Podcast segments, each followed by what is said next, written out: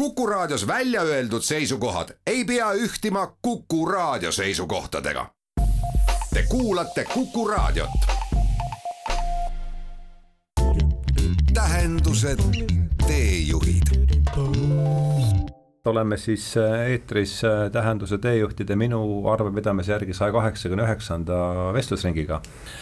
Aga see numeroloogia ei olegi nii oluline, oluline on see, et on suur rõõm see tervitada mul stuudios siis taas kahte saatekülalist, tere tulemast, Andres Soosaar.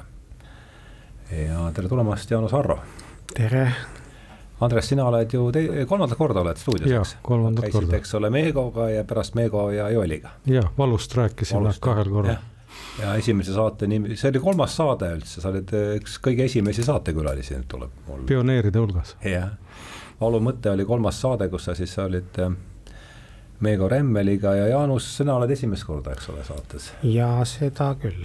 aga, aga tänase kokkusaamise niisuguseks lähtepunktiks ongi Jaanuse lehelugu, meie lehe siis, kas oli kahekümne viies number, jah eelmise aasta novembri number äh, kuule vastavalt oli selle võtme ähm, siis keskne teema depressioon ja Jaanuse väga sisukas lugu depressiooni tähendusest neurobioloogi, bioloogi pilguga.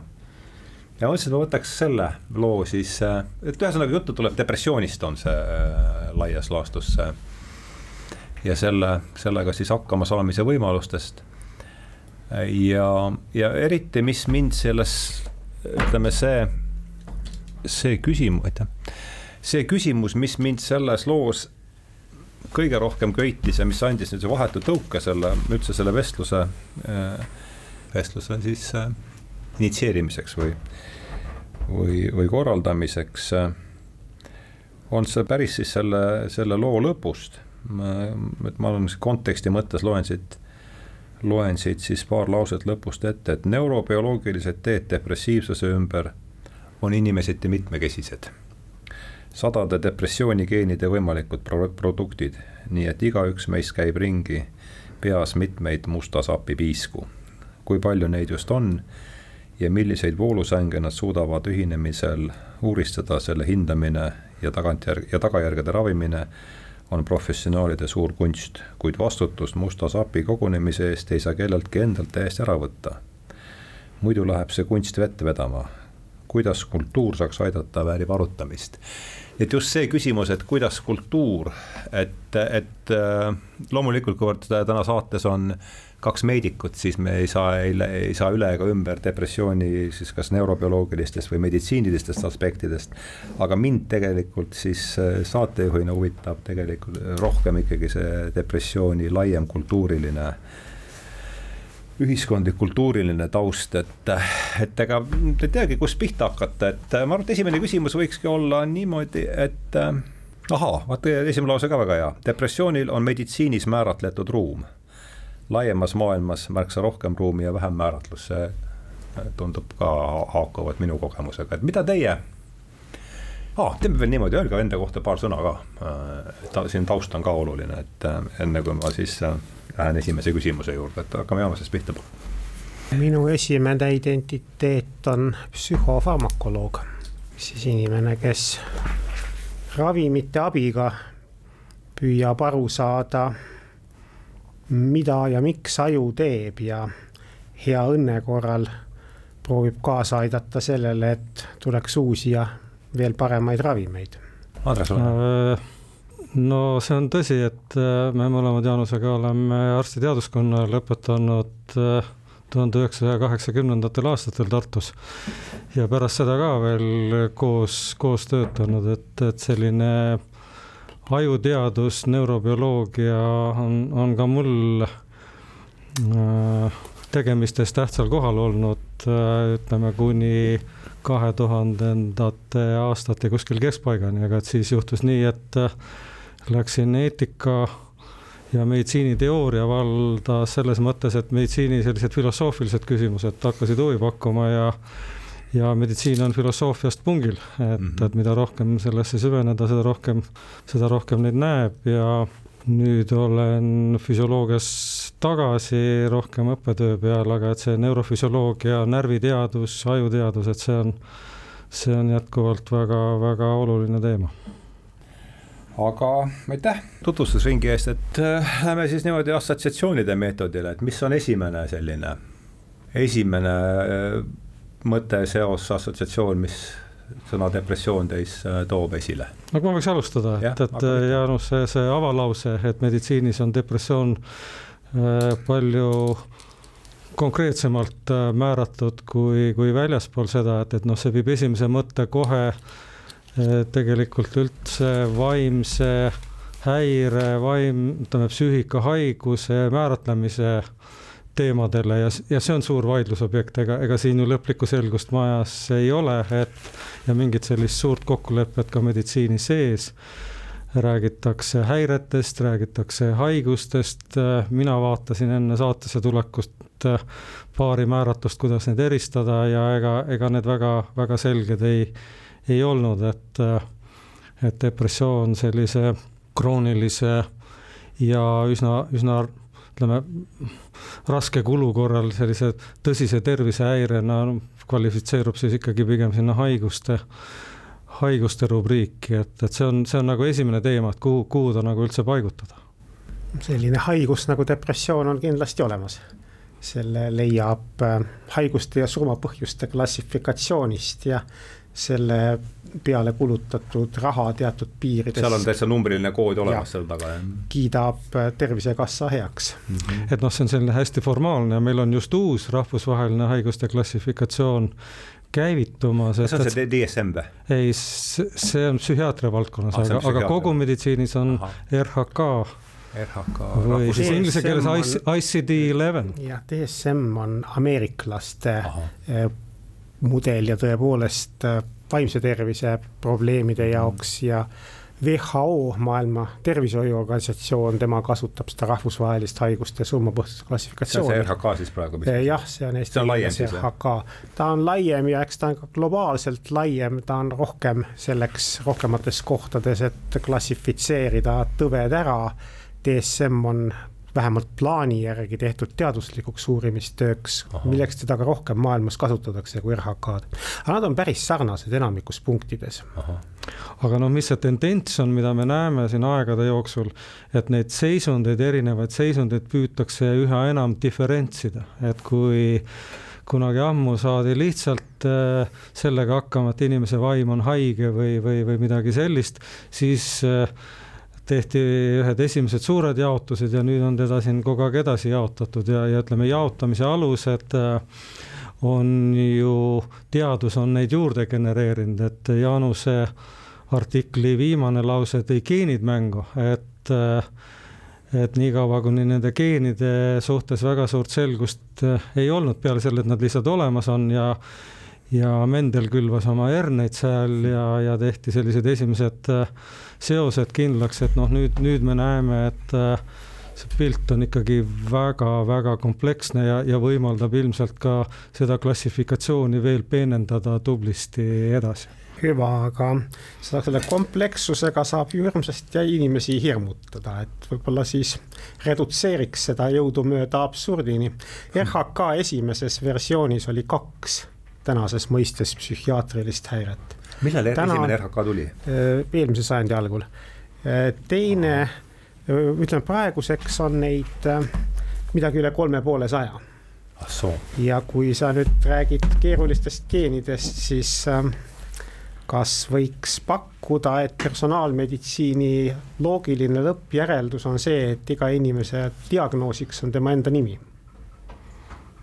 jah, see no see kuidagi see, mina, mulle haakub see mingi natuke sellise protestantismi ja reformatsiooniga, seal on samamoodi läks äh, usulahkude paljusus ja, ja see osa sellisest üleüldisest pihustumisest tundub olevat siin see üleüldisest äh, kui vaadata sinna allapoole, et see mingi siukse killustumise no, mingi siukene sümptom. no siin on üks oluline aspekt, et, äh, et äh, geenid, äh, nende see jäme struktuur on meil kaasa pandud, ütleme, ütleme elu jooksul need mutatsioonid ja asjad, neid võib küll juhtuda, aga, aga et äh, geen on meile vanemad, geenid on meile vanemate poolt suures osas kaasa, kaasa pandud, aga et noh, vaimsete häiretega nüüd ongi see küsimus, kas need ikka kõik taanduvad äh, geenide poolt determineeritud äh, äh, ajuprotsessidele või,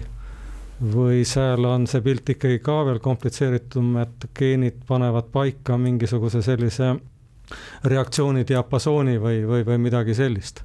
et mhm. kui see, kui see teine peaks tõsi olema, siis vist äh, siis vist seda liigutust ei saa teha, et, et oot, kuidas see sul oli, et diagnoos on minu Inimese, nimi. Äh, isikukood sisuliselt. et, et siis vist, siis vist nii ei saa. Ja kas ma küsin Jaanuse käest üle, kas ma sain, nüüd see on oluline koht, on see, et, et esimene RHK tuli välja kahekümnenda sajandi alguses ja seal oli alguses oli kaks vaimuhaigust, nüüd on neid kolmsada viiskümmend.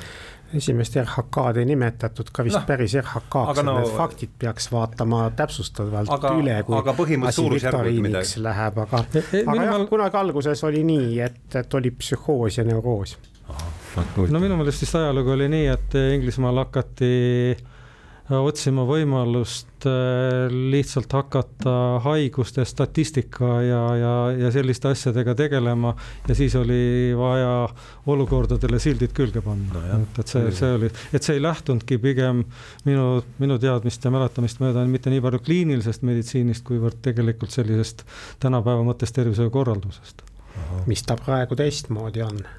seda koodi on kõige rohkem selleks vaja, et, et haigekassale saata paber rahastamise küsimus põhimõtteliselt. ja ravimid ja kõik, kõik see, mis kõik sellest tuleneb.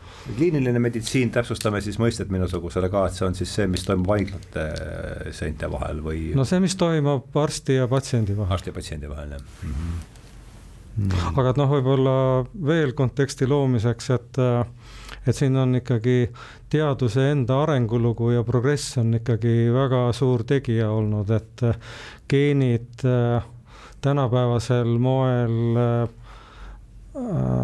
vaimuhaiguste ja vaimsete häirete seletusse on jõudnud ikka üsna hiljuti, et, et see on, see on terve pika, pika arenguloo läbi teinud, alates sellest, et et noh, miskid ajupiirkonnad on ühes või teises asjas äh, rohkem süüdi, siis on ju olnud selline äh, Äh, suur neurokeemia ajajärk, mis ei ole ka veel lõpetatud praegu, mis on, mis on veel käimas, need, need keemilised protsessid, mis kõik närvisüsteemis toimuvad, need elektrilised nähtused, mis seal aset leiavad, et, et meil on ikkagi aju toimimisest ettekujutus on ikkagi sellisest tervikpildist, mulle tundub ikkagi ka veel üsna kaugel, et, et ma ei tea, Jaanus, sa oled selles vallas tegevteadlane teaduse eesliinil, et sa oskad ehk seisu paremini hinnata seis on muutlik.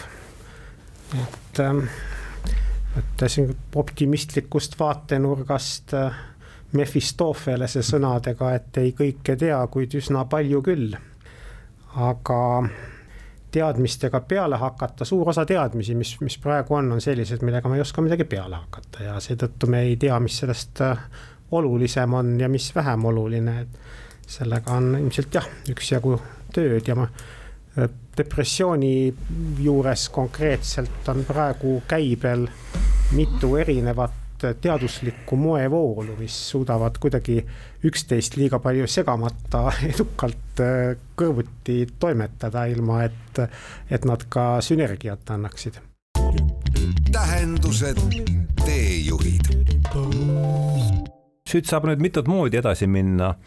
mind pakkus huvi see et noh, kui on keeruline asi, et siis eh, minusugune on ikkagi alguses lihtsustada, et, et see, et alguses oli kaks sellist vaim, vaimset eh, kaevust, eh, psühhoos ja neuroos ja kuidas siis sealt see, et see vaatame, kas me saame järsku selle laua kangutamise kuidagi edasi, et milles, mis oli üks ja mis oli siis teine ja milles nende vahe oli ja, ja kuidas see asi sealt edasi läks, et see tundub olevat niisugune täpse faktoloogia jaoks peaks mina küll no jah, mälu täpselt. värskendama mõnede teadmeteoste. nii palju kui meeles on, nii palju kui meeles on. ka psühhiaatrias on varem ka, mitte ainult praegu olnud mõnevõrra erinevaid vaatenurki sellele, et kuidas, kuidas midagi täpselt liigitada.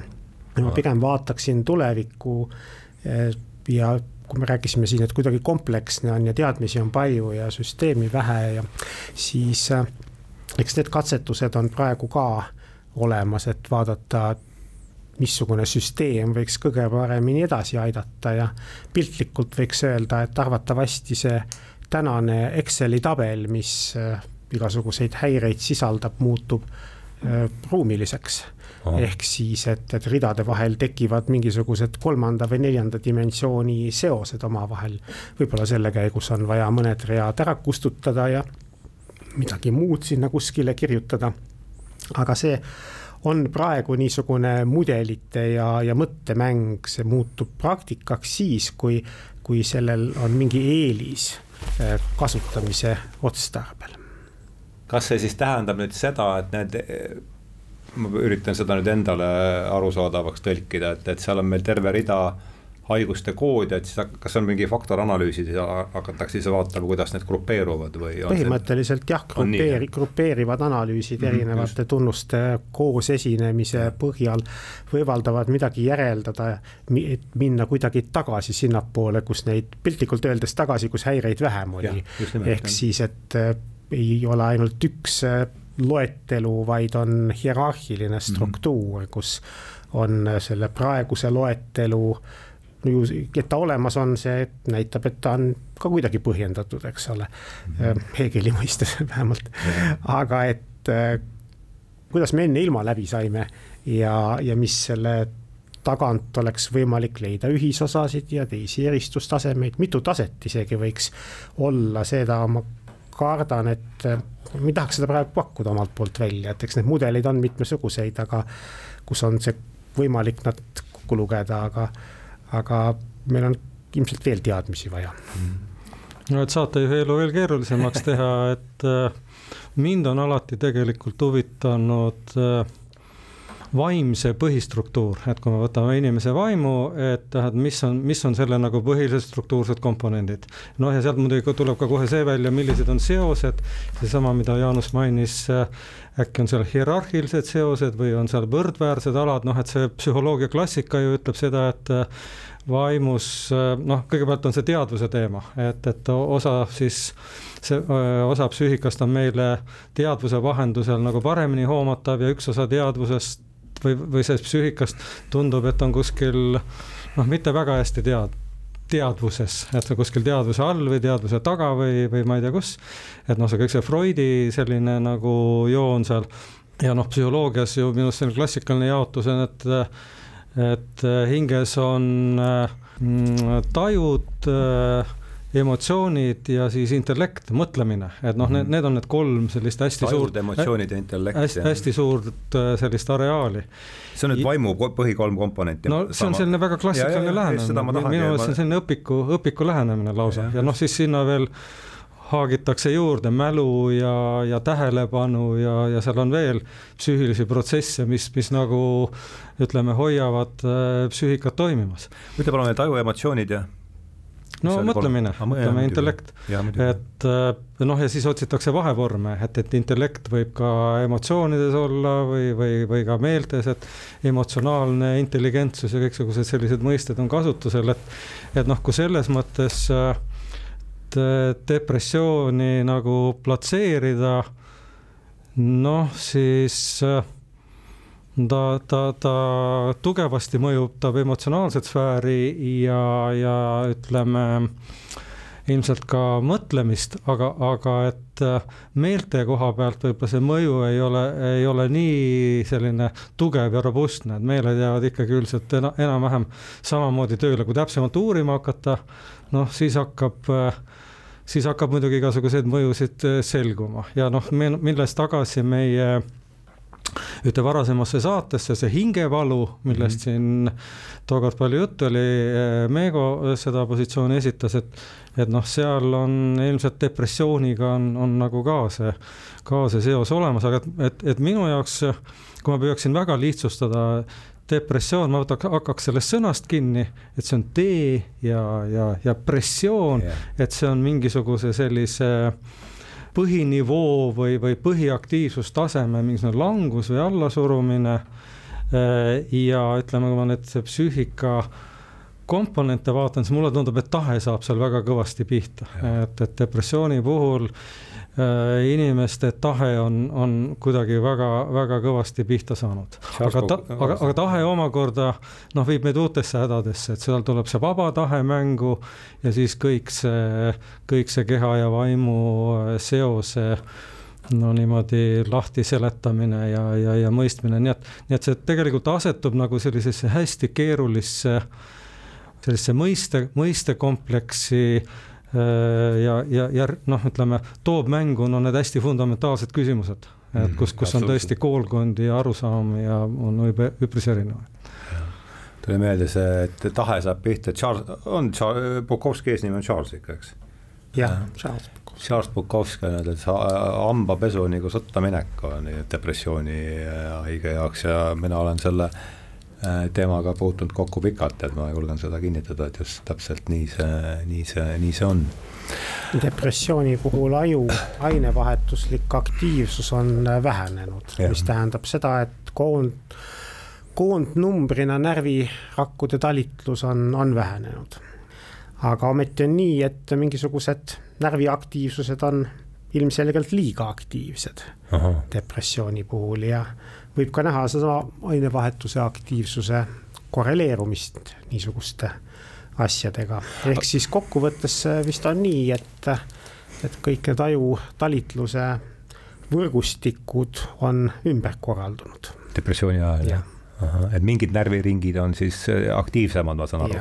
ja see käib ilmselt ka üleüldiselt kõikide ajuhaiguste või, või psüühikahäirete kohta ja siis nüüd see ühisosa otsimine, millest ma enne proovisin rääkida ruumilise Exceli mhm. tabeli metafoori kaudu, on selle ülesleidmine, et, et kus on nende võrgustike talitluse ümberkorralduses ühised osad ja, ja kus on need erinevad osad, mis ikkagi võimaldavad meil neid häireid erinevat moodi defineerida ja, ja, ja öelda, et nad ei ole üks ja seesama häire mis muutub tähtsaks siis, kui me neid ravima hakkame ja selgub, et ühe puhul on vaja ühte ravi ja teisel puhul on vaja teist ravi, nagu see tihtipeale on. samas mõnede häiretega on ka nii, et nad on klassifikatsioonis päris erinevates perekondades, aga ravi on sama mm. -hmm. nii et see allolev bioloogia on, on mittelineaarselt äh, eristav. ma pidasin just hiljuti ühte loengut ülikoolis, enne mida ma sirvisin ühte peavoolu psühholoogia õpikut ja leidsin seal asjasse puutuva peatüki sissejuhatavas osas väite selle kohta, kuidas kuidas skisofreenia geenid on needsamad, mis bipolaarse häire geenid ja bipolaarse häire geenid on needsamad, mis depressiooni geenid ja nii edasi. mis on väide, mis tuli käibele kunagi aastat viisteist tagasi molekulaargeneetika alguse peale, kus tõsimeelsed geneetikud ütlesidki, et meie näeme täpselt seda, et skisofreenia ja bipolaarne häire on üks ja seesama asi. mida nad ilmselgelt ei ole, mis vajavad erinevat ravi. nii et äh, see lihtsalt näitab, et üks samm tõe poole võib meid mõnikord tõest kaugemale viia. no see on võib-olla jah, kui laiemasse sellise teaduse konteksti püüda seda mõtet viia, et see on äh, meetodi sobivus ja, ja selline tõendamisjõud, et, et sellega võib sageli viltu minna, et, et äh, meetodiga minnakse uurima asja, mis äh, mille jaoks ta kõige paremini ei sobi, et, et siin, siin võib olla mingisugune samasugune teema no me ei tea ju et kui me tegeleme tõepoolest uue teadmise loomisega, siis meil tagantjärele tarkust ei ole.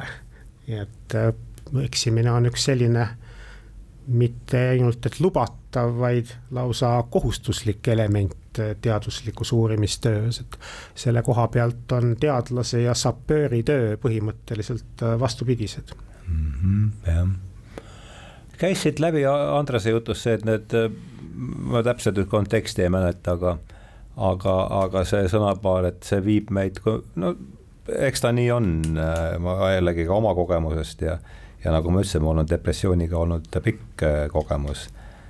Äh, ja, ja eks ta on, et kui sügavale kaevata, siis noh, nagu ütles kunagi mu kunagi mu äh, kolleeg pangast, et kui kui kaevad piisavalt sügavale, leiad igal juhul naftat et, et, et kui piisavalt sügavale kallata, kaevata, siis lõpuks leiad ikkagi fundamentaalsete küsimusteni välja, et anna palun seal, ma ei mäleta täpselt seda konteksti, aga no, et kus, et see tundub mulle olevat huvitav koht, kus edasi no, kraapida. minu mõte oli see, et, et see äh, tõsisem depressioon äh, isiksust äh, riivab nagu väga tugevasti selle erinevaid külgi, aga isiksus omakorda on üks selline noh, ütleme kokkuvõte sellisest äh, erinevate vaimsete nende põhistruktuuri komponentide ja mitte nii põhiliste struktuuri komponentide seostumises ühes konkreetses indiviidis,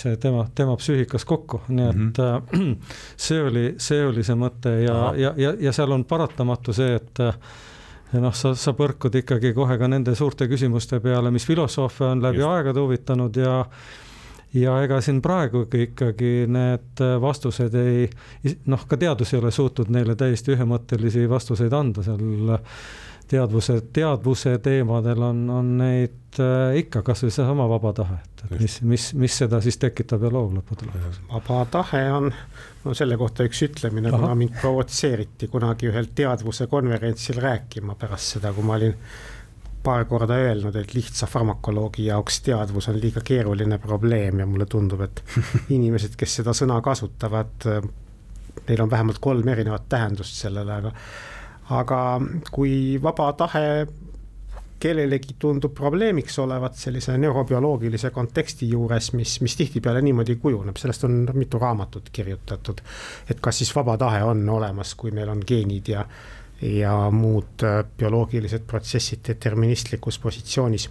siis äh, võib ju mõelda nii, et, et vaba tahe on loomulikult olemas, eksisteerides äh, molekulide sihipärase suunamise kaudu et äh, sellises plaanis vabal tahtel ei ole piire rohkem kui termodünaamika teine seadus. vot kui me lähme selle konkreetse tahtel. kuulsa näite juurde, et me saabume ristteele, kus on võimalik kolme erinevat äh, teed mööda minna, siis Äh, meile ainult tundub, et meil on valikud seal, aga meie need äh, struktuurid ajavad meid ikka ühe tee peale nii või teisiti, et kas, kas ma tõlgendan õigesti seda, et, et, et vaba tahe on illusoorne? mina ütlen lihtsalt oma molekulidele ajus jätame praegu nende molekulide keemilise omaduse täpsustamata, sest äh, see tahab tervet kaskaadi nagunii, tervet võrgustikutööd lõpuks. et mina tahan minna vasakule, olgu neid teid kolm või, või viis ja see ongi vaba tahe. kui mina ei, ei tea, kuhu minna ja lasen oma molekulidel öelda, et mine vasakult teist rada pidi, siis, siis see ilmselt ei ole. kuigi võib-olla oli see minu vaba tahe, et ma otsustasin lasta endale kellelegi teisele öelda seda või siis ka mitte no aga siit tekibki see küsimus, et mina ja minu molekulid, et kus noh, ma arvan, et see on juba esimene koht, kus me oleme sellise fundamentaalse probleemiga vastamisi, et kus me seda no see kõik ikkagi ju äh, varem või hiljem me pidime Descartesini siin ju välja jõudma, eks, et ei no minu jaoks siin on natuke raske hetk on see, et kui mul on mõte, et ma lähen vasakule, et kuidas see mõte lõpuks jõuab mu kõikide süsteemideni, mis mind vasakule kannavad ma arvan, et see on täiesti kirjeldatav siis, kui me suudame kirjeldada ka äh, muid psüühilisi protsesse. et ega äh, see vaba tahte biomehaaniline kirjeldamine ei saa joosta ju ees teistest äh, psüühikafunktsioonide kirjeldamisest, kus meil on kah mõnes kohas on selline, et, et siin, siin juhtub midagi, mida me veel ei tea.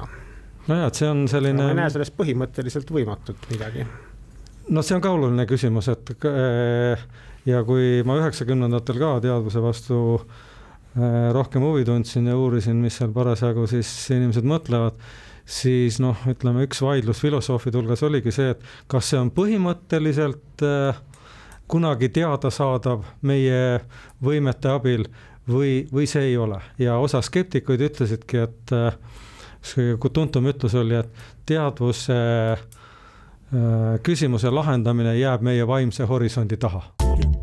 tähendused, teejuhid. me oleme primaadid, me oleme tegelikult Just. karjaloomad ja selleks me jääme ka, kuni me ei evolutsioneeru mingisuguseks muuks elukaks, aga pigem me seda ei tee. pigem nii kaugele tagasi ei ole võimalik kõndida, vaid edasi saab ikka ainult minna. ja, ja see võib tähendada siis seda rada, mis Charles Darwini raamatu äh, Äh, liikide tekkimisest äh, ainsa joonise peal on tähistatud siis joonena, millel on väike ristjoon otsa tõmmatud, ehk siis, et see asi lõppes nüüd ära.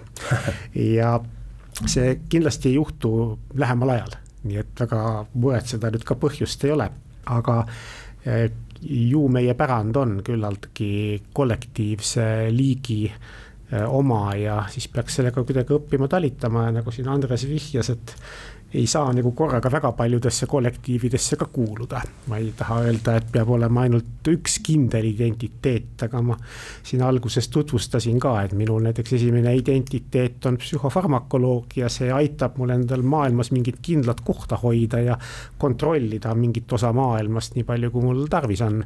püsida oma vaimses tasakaalus ja samasugused lahendused võiksid olla kultuuriliselt äh, need, mis ennetavad seda, et, et musta sapi piisad hakkavad moodustama ojasid ja jõgesid ja deltasid ja muid selliseid asju ja siis lõpuks ongi mingi ajukahjustus ka juba näha.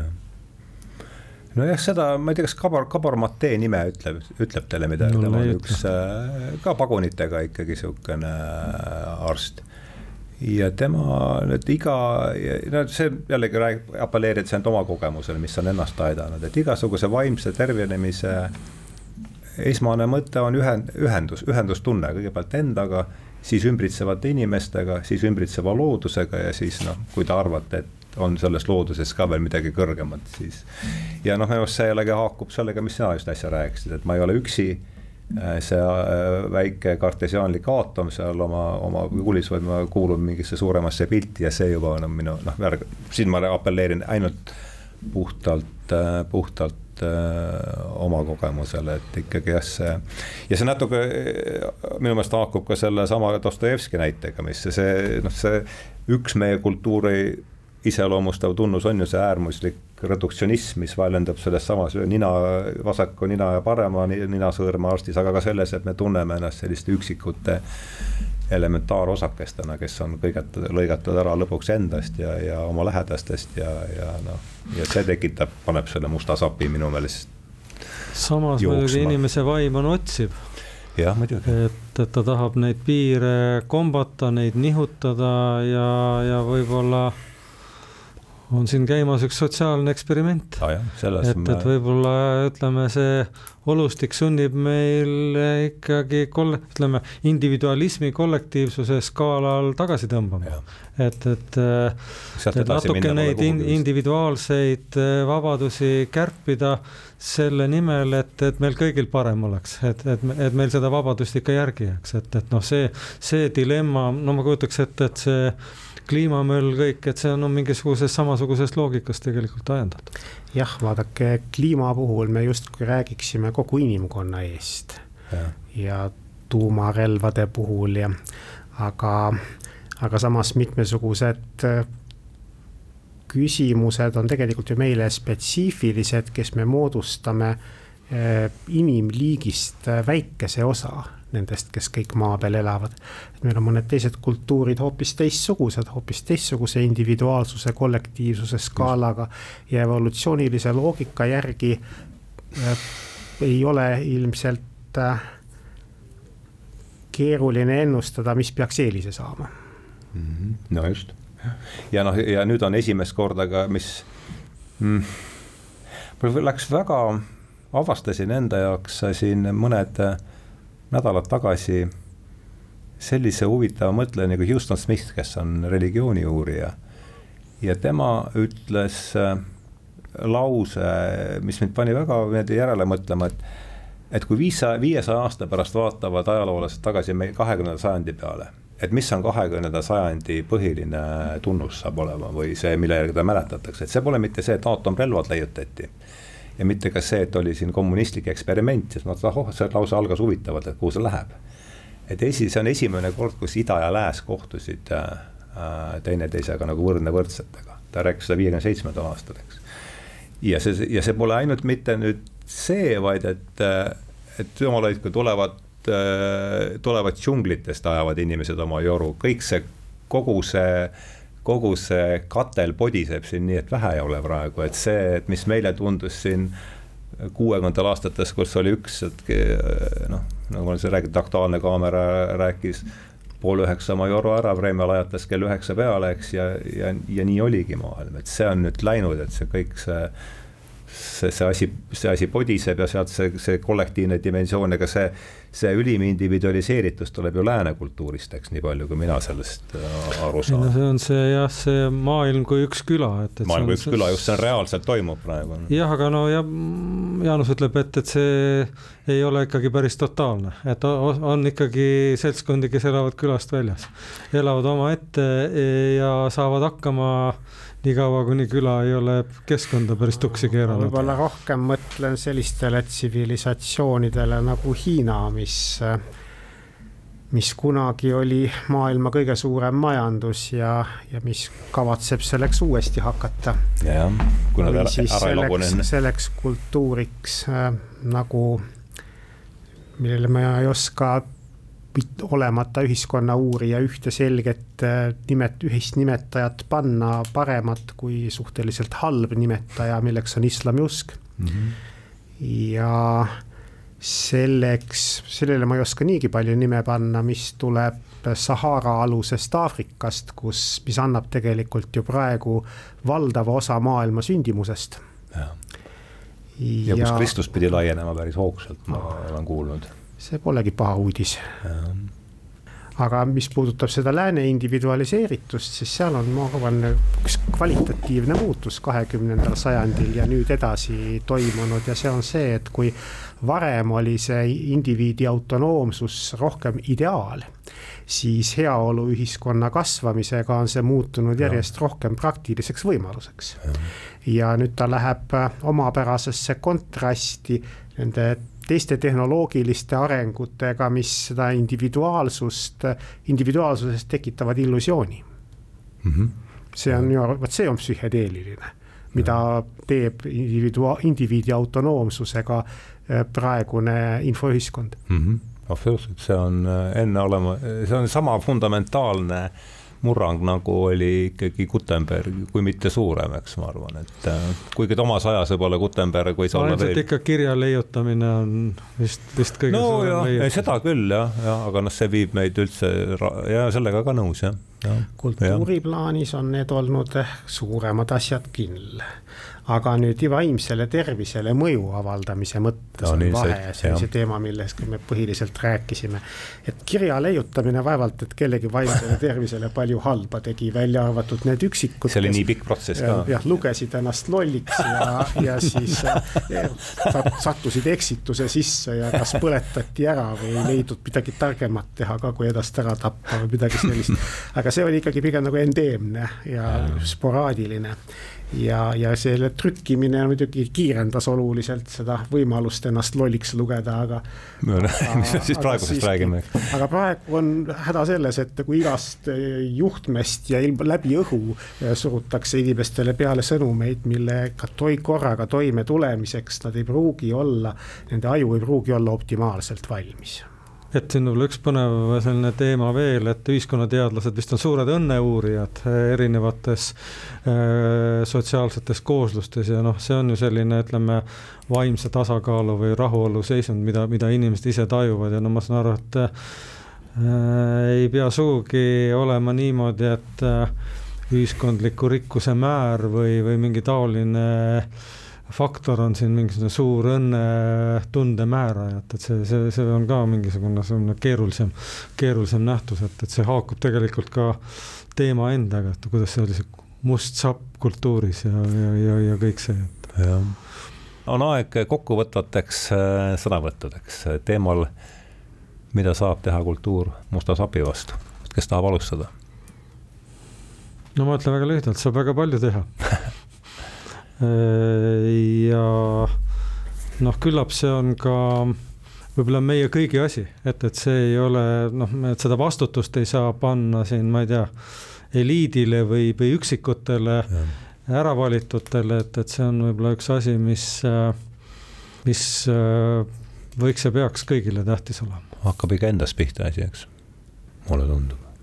Jaanus? jah, et nüüd mitte venitada seda saadet piirini välja või üle selle, siis ma jätan rääkimata kogu selle anekdoodi, mõistatuse, kust, kust see metafoor tuleb. aga, aga selle puändiks on see, et kolmejalgne laud või tool ei, ei kõigu, ehk siis, et ma mõtlen, et kultuur kõigepealt peaks seisma kolme jala peal mm., mis iganes need kolm jalga siis ka ei oleks. ta peaks kindlalt seisma, et võimaldada endaga identifitseerumist.